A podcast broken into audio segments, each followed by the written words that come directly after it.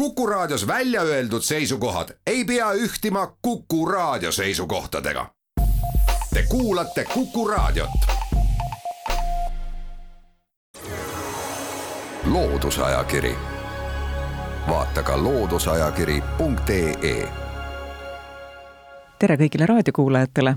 tere saatekülalisele, mittetulundusühing Loodusajakiri tegevjuhile Tere Riho Kinks. tervist. mina olen saatejuht Tiiu Rööp me hakkame tutvustama ajakirja Eesti Loodus märtsinumbrit. see keskendub karvastele ja sulelistele ja päris ilma tähelepanuta ei jää need ka, kes on ilma karvadeta. alustame rubriigist Kuu looduses. Piret Pappel juhib tähelepanu, keda või mida märtsikuus tähele panna. ütleb ta, et kiivitaja on üks esimesi meie saabujaid ja pulma meeleolus peaksid märtsikuus olema nii oravad jänesed kui ka koprad. mina olen tähele pannud, et varesed on väga elevil ja no praegu kevade märkide nägemiseks ei pea üldse kuhugi kaugele minema, kas või siinsamas Tartu linnas äh, juba tükk aega tagasi esimesed kevade kuulutajad saabusid ja need pole mitte kiivitajad siin linnas, vaid äh, hõbekajakad hoopis. esimene teade tuligi linnuhuvilistelt Valgast hoopis, et ähm, on nähtud üle piiri tulemas kajakate horde hõbekajakad siis ja ei läinudki ühte päeva isegi mööda, kui juba jõudsid nad Tartusse ja hakkasid siin linna kohal kisama, nii et see on kindel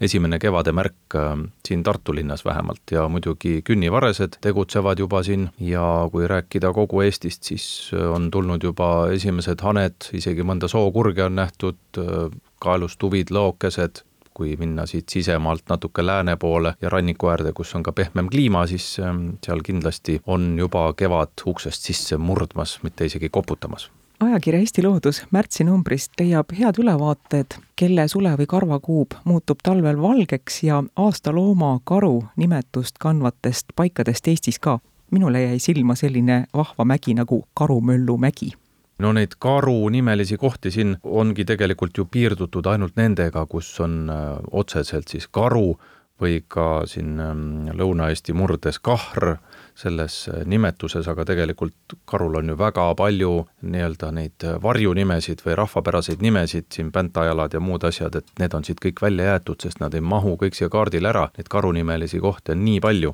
aga mul jäi siin silma vaadates seda kaarti, et kõige tihedamalt on karunimelisi kohanimetusi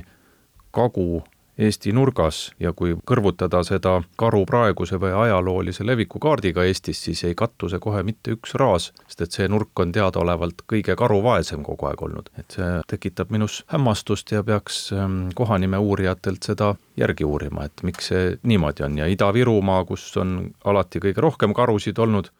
seal ei ole ühtegi karunimelist kohta. Võib-olla Ida-Virus on karud lihtsalt nii tavalised, et ei pandudki kohanime karu järgi? mulle tekkis sama tunne, et võib-olla seal Kagu-Eestis karu on nii haruldane olnud, et kui temaga ikkagi kohtusid või mingi sündmus oli, siis see oli suur sündmus. Ja sellepärast on äh, siis selle karu kohta palju pärimust sealt tekkinud hoopis, aga see on meie teooria, peab teadlaste käest seda küsima.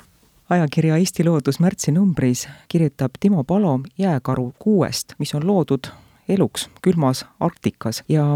üks, mis minu jaoks oli hästi põnev, teadsin küll, et jääkaru pealiskarva karv on seest õõnes, aga ma ei teadnud, et see on jaotatud veel omakorda kambrikesteks ja see annab veel parema termoisolatsiooni. No midagi erilist peab selles loomas olema, kui ta elab kogu aeg ju maakera ühes külmemas paigas ja seda on siin artiklis ka selgitatud, et mille poolest see karukarv siis eriline on ja üleüldse mitte ainult karv, vaid kogu tema keha ehitus siis kohastunud selleks eluks, alastes äh, paksust rasvakihist ja lõpetades väga erilise karva ehitusega, mis mulle siin niisugust hämmastust tekitas, on see,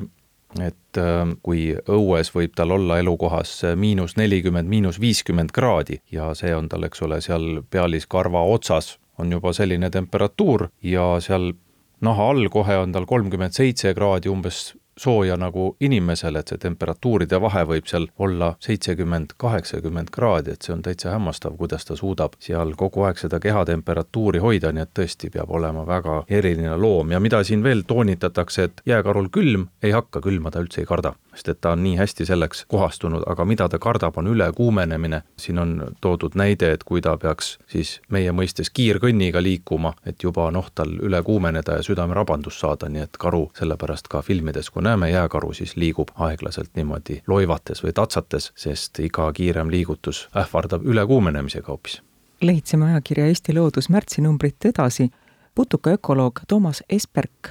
kirjutab lülijalgsete karvadest, mis võivad olla sõnumitoojateks, ka kaitserelvadeks, soojahoidjateks ja imetegijateks. ma peaksin praegu avaldama vaimustust putukate üle, aga minu vaimustus kuulub kägudele, sest ühte karvast röövikut on tõesti ebamugav süüa, aga käod teavad, mismoodi sellega hakkama saada. Nojah, et siin artiklis on ka ju öeldud, et ega neid äh, linnuliike palju ei ole, kes neid karvaseid liblikaröövikuid tahavad süüa ja tõesti, käod on ähm, teiste seast silma torkavad erilise siis ähm, nupukate võtetega selle asja lahendanud, aga siin on ka juttu, et ega tihane ja teised loomad tegelikult ka karvastest röövikutest ära ei ütle, et võib-olla see on selline müüt, et ainult käod söövad karvaseid röövikuid, selgub, et äh, tihane on nuputanud teise asja välja, et tal pole neid karvu vaja süüagi vaid ta nokib lihtsalt selle rööviku seest tühjaks ja jätab selle tühja karvakasuka vedelema, nii et äh, selline on ka võimalus röövikust jagu saada. aga selle putukate loo juures hoopis on märkimisväärne minu arvates see, et see näitab seda karvamaailma tohutut mitmekesisust, nagu ikka putukate maailm siin Eesti looduse varasemateski numbrites on tõestanud, et äh, kuna putukate seas on nii palju liike maakeral ja need on nii iseäralikud kõik, siis on seal ka väga suur mitmekesisus igas muus vallas, kaasa arvatud karvad. Ja siin ongi välja toodud, mis rolli need karvad siis täidavad, alates sellest, et annavad sooja nagu meil inimestel või imetajatel, või siis, et see loom ei kleepuks vee külge kinni ja saaks sealt lendu, või siis ähm, on karvad hoopis ähm,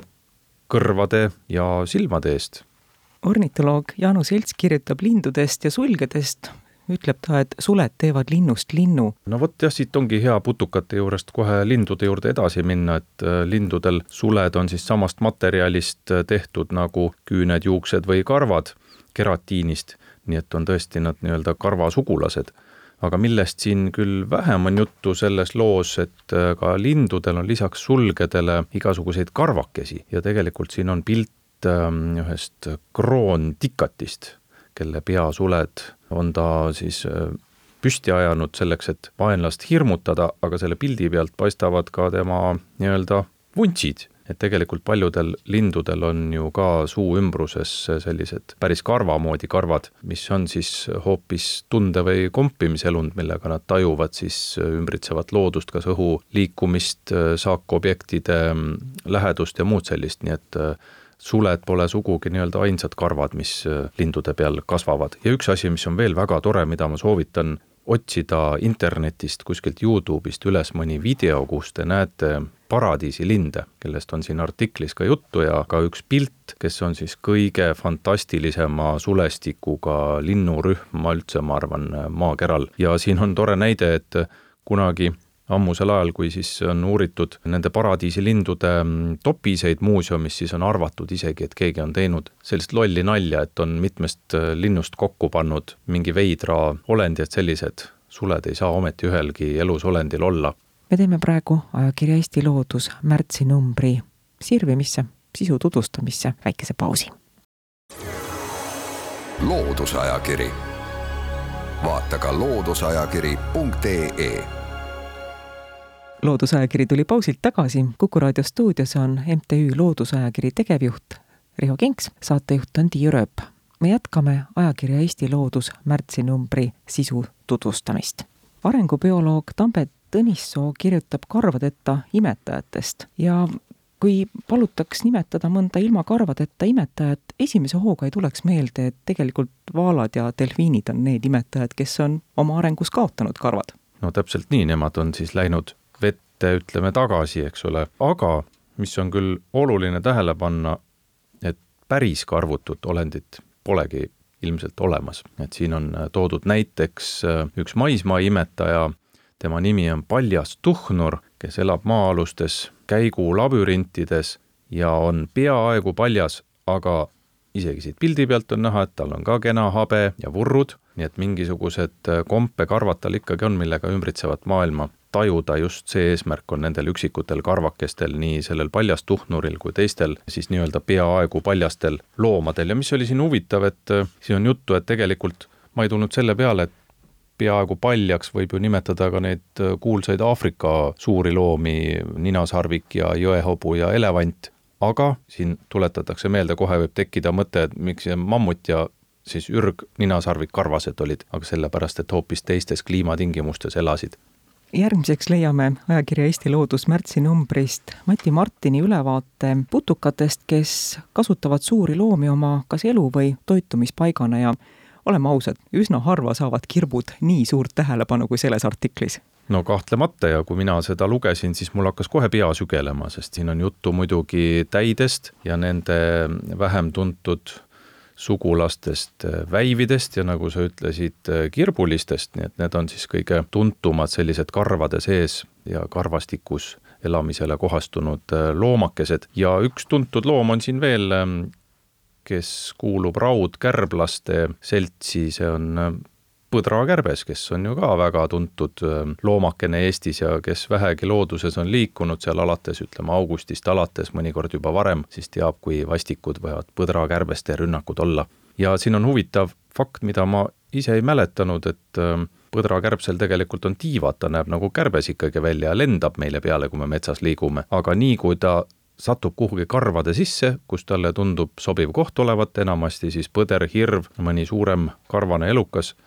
siis ta ise murrab endal tiivad küljest ära, et need ei takistaks tal seal karvade sees liikumist ja tal ei ole neid ülejäänud elus enam vaja. et seda ei mäletanudki. mükoloog Pillis Kulman tutvustab karvaseid seeni liudseente hulgast ja minu jaoks on see artikkel hästi väärtuslik rikkaliku fotomaterjali tõttu kui inimestel on soovi liudikute liike tundma õppida, siis tänu sellele artiklile kindlasti Jüri Allik, Tartu Ülikooli eksperimentaalpsühholoogia professor, kirjutab kultuuri ja looduse mängudest habemega. tõdeb ta oma artiklis, et see võib-olla on juhus, kuid koos habeme ärakadumisega on ühiskond muutunud vähem vägivaldseks.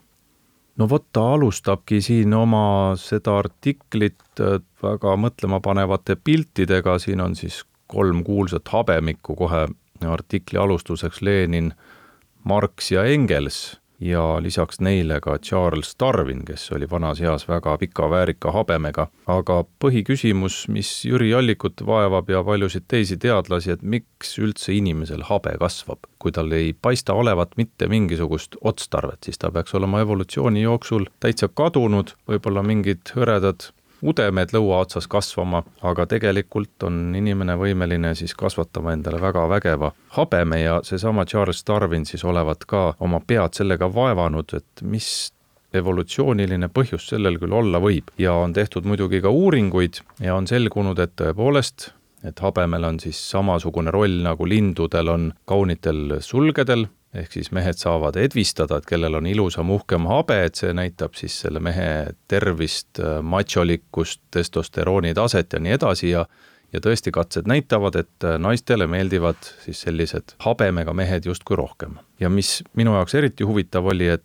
ta toob välja, et ilma habemeta olek on tegelikult ka võib-olla kasulik. kui me habeme ära ajame, siis noh, räägime meestest, et siis tulevad välja sellised ümarad, pehmed vormid, silmad tulevad rohkem esile ja tuleb välja habeme alt sõbralik nägu ja mis annab siis sellise signaali teistele, et sa oled sõbralik, heatahtlik ja vähendab agressiooni sinu enda suhtes, nii et äh, edendab üldist maailma rahu, võib siis öelda. lehitseme ajakirja Eesti Loodus märtsinumbrit edasi selle ajakirja numbri intervjuu on tehtud arengubioloog Tambet Tõnissooga ja tegemist on väga värvika lugemisega, kas või kui vaadata seda lõiku, mismoodi Tambet Tõnissoo kirjeldab Kunda linna oma lapsepõlves, mis on tema sünnilinn, siis see annab mõista, millise keelekasutusega, millise humoorika maailmavaatega ta on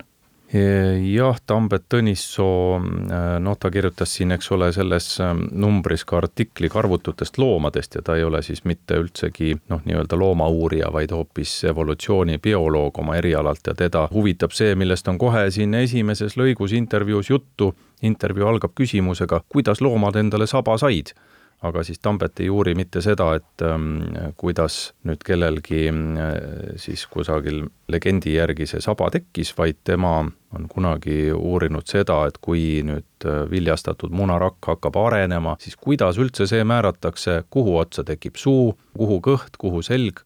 nii et sellest on tema selline suurem huvi evolutsiooniteooriate ja evolutsiooni mm, vastu tekkinud, aga ise ta räägib siin, et ta on kõva maamees, et kõik kodutööd teeb loomadega ära, künnab hobusega ja lüpsab lehma ja, ja kui vaja, peab kanu ja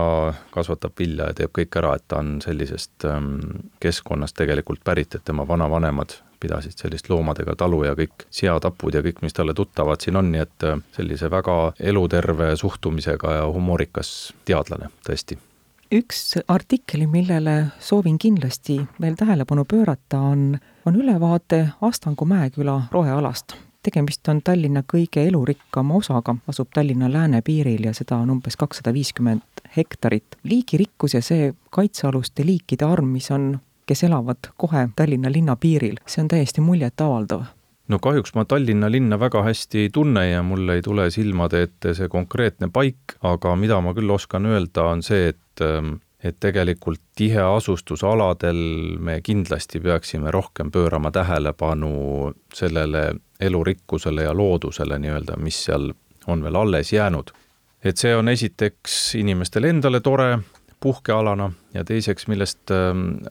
vahepeal räägiti palju siin kümme, kakskümmend aastat tagasi, aga mida on ära unustatud, on igasugused rohekoridorid. ehk siis need looduslikud alad peaksid omavahel kuidagi ühendatud ka olema, et muidu on need nagu mingisugused oaasid kõrbes, et seal võib küll tore elurikkus olla, aga need loomad, kes seal elavad, taimed, nad ei saa teiste omasugustega kuidagi kokku enam, sest vahel on ehitatud teed, linnad, muud inimeste poolt äh, rajatud äh, asjad ja tekivad sellised isoleeritud populatsioonid, äh, mis on määratud lihtsalt hääbumisele. nii et sellistes suurtes linnades, eriti nagu Tallinn, seda on, on väga tähtis, et seal oleksid ikkagi rohepiirkonnad alles ja eriti, kui on veel midagi nii väärtuslikku säilitada, nagu see Astangu piirkond, ma ei näe küll põhjust, miks ei peaks sinna siis vähemalt kohaliku tähtsusega kaitseala looma, et seda alles hoida tänaseks lõpetame saate. me jõudsime mõndagi ajakirja Eesti Loodus märtsinumbri sisust teile tutvustada, aga kaugeltki mitte kõike. saatejuht Tiiu Rööp tänab külalist, MTÜ Loodusajakiri tegevjuhti Riho Kingsi